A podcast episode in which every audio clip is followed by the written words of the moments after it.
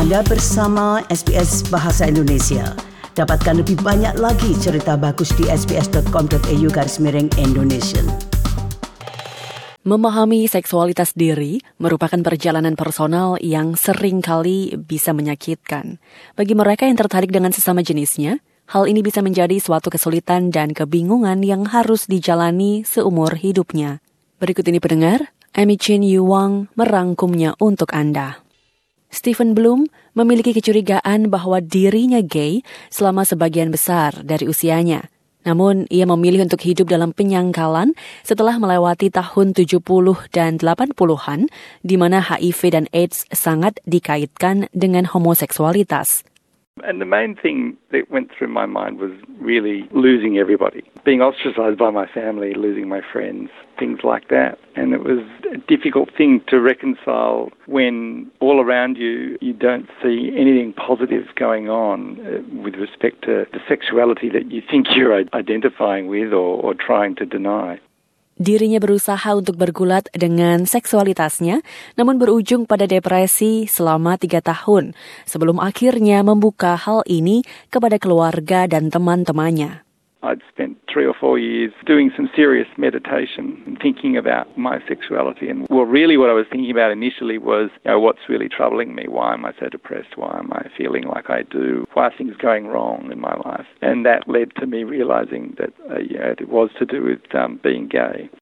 Pada suatu malam, istri Stephen yang selama 20 tahun ini bersama dengannya menanyakan satu pertanyaan yang kemudian mengubah hidupnya 180 derajat. And she asked me if I was gay. And at that point, it took me, you know, 10 seconds to, for my life to flash before my eyes and make a decision on this is now the time to be honest. And if I'm going to be honest, I have to be honest for the rest of my life. And so I said, yes, I think I am. Setelah banyak air mata dan perbincangan, suami istri ini kemudian memutuskan untuk Stephen agar pindah supaya dapat menjalani kehidupannya yang baru.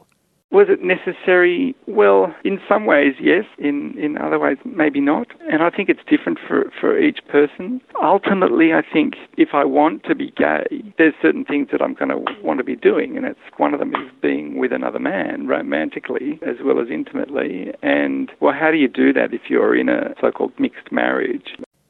Menurut konselor dan ahli psikoterapi Odelia Carmen, situasi ini dapat menjadi lebih rumit lagi bagi kaum LGBTI yang berusia lebih tua.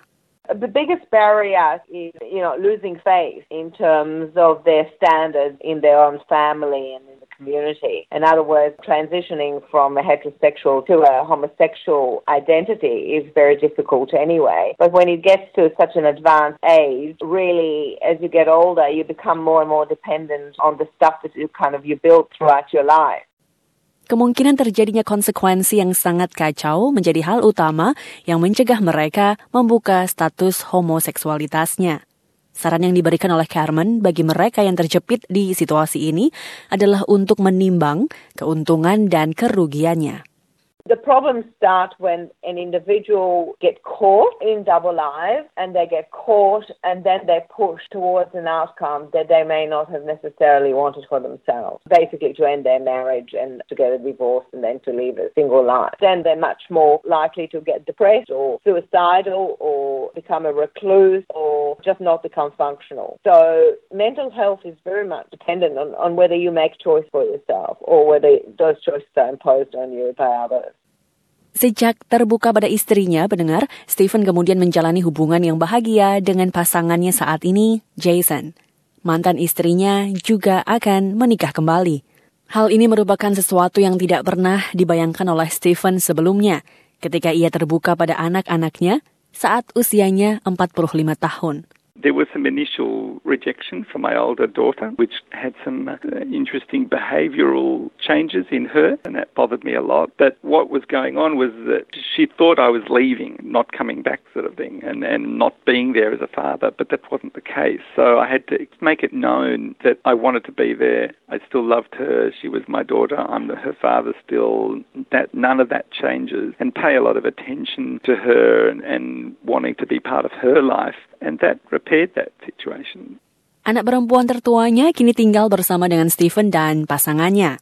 Lyle Shelton, dari Coalition for Marriage mengatakan, walau Australia menghormati semua orang tanpa memandang orientasi seksualnya, namun penting untuk mempertimbangkan kesejahteraan anak-anak dalam satu latar belakang keluarga. Well, the social science research overwhelmingly says in favour of a child having its biological mother and father, preferably married, as the determinant of the best outcomes for a child on every measure. Stephen Bloom kini adalah presiden dari Gay and Married Men's Association di New South Wales. Dirinya mengatakan beberapa pria gay yang menikah pada akhirnya harus menekan orientasi seksual mereka demi menjaga keutuhan keluarganya. Sebuah laporan terbaru dari National LGBTI Health Alliance mengindikasikan bahwa kesehatan mental dari kaum LGBTI adalah termasuk dalam yang paling memprihatinkan di Australia.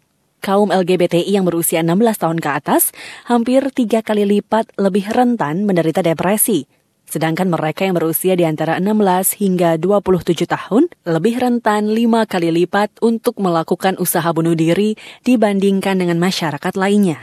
Sexuality is how somebody's wired in their brain, and those sorts of things are very difficult to control. Trying to suppress that is incredibly hard work. My experience with men that have been through that or are going through that is that they're not very successful at it, and it only leads to depression, and it can lead to anxiety that goes with that, and also um, the potential for self harm and even suicide. Namun, dorongan seksual tersebut juga dapat berubah seiring dengan bertambahnya usia. Dan hal inilah yang dapat menentukan akankah seseorang memilih untuk membuka orientasi seksualnya saat usianya sudah tidak muda lagi. It's really around how important sexuality and sex, and sex is in advanced years as well. Because for a lot of people, the older they get, the less sexual they are. So, you know, that plays less of a factor for them. So depends on the individual, on their libido, and the stage of their development as to whether they prefer to just jeopardize coming out as opposed to just staying in the stat, status quo. Membuka orientasi seksual dapat menjadi lebih menantang bagi mereka yang berasal dari latar belakang budaya yang konservatif ataupun religius. I have met guys from um, ultra orthodox fundamentalist type religions where they've been ostracized completely by their community and their family, and that's been tragic for them. But they've still felt strongly about living an authentic life. The hope is at some point their family is able to reconcile their religious convictions with the reality of the situation.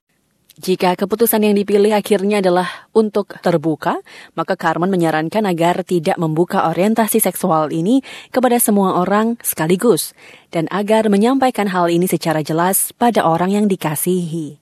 Do it in stages. So maybe speak to the spouse first, then to the children, broach the subject in that way, because they've got to broach the subject when they're ready to go. You know, you can't just say, hey, my darling, I'm gay, and hop into their marital bed. You know, it just doesn't work that way. So you've got to actually be ready to leave emotionally, psychologically, physically, and already set yourself up as though you're leaving, and then and then disclose that that's, that's what you intend to do.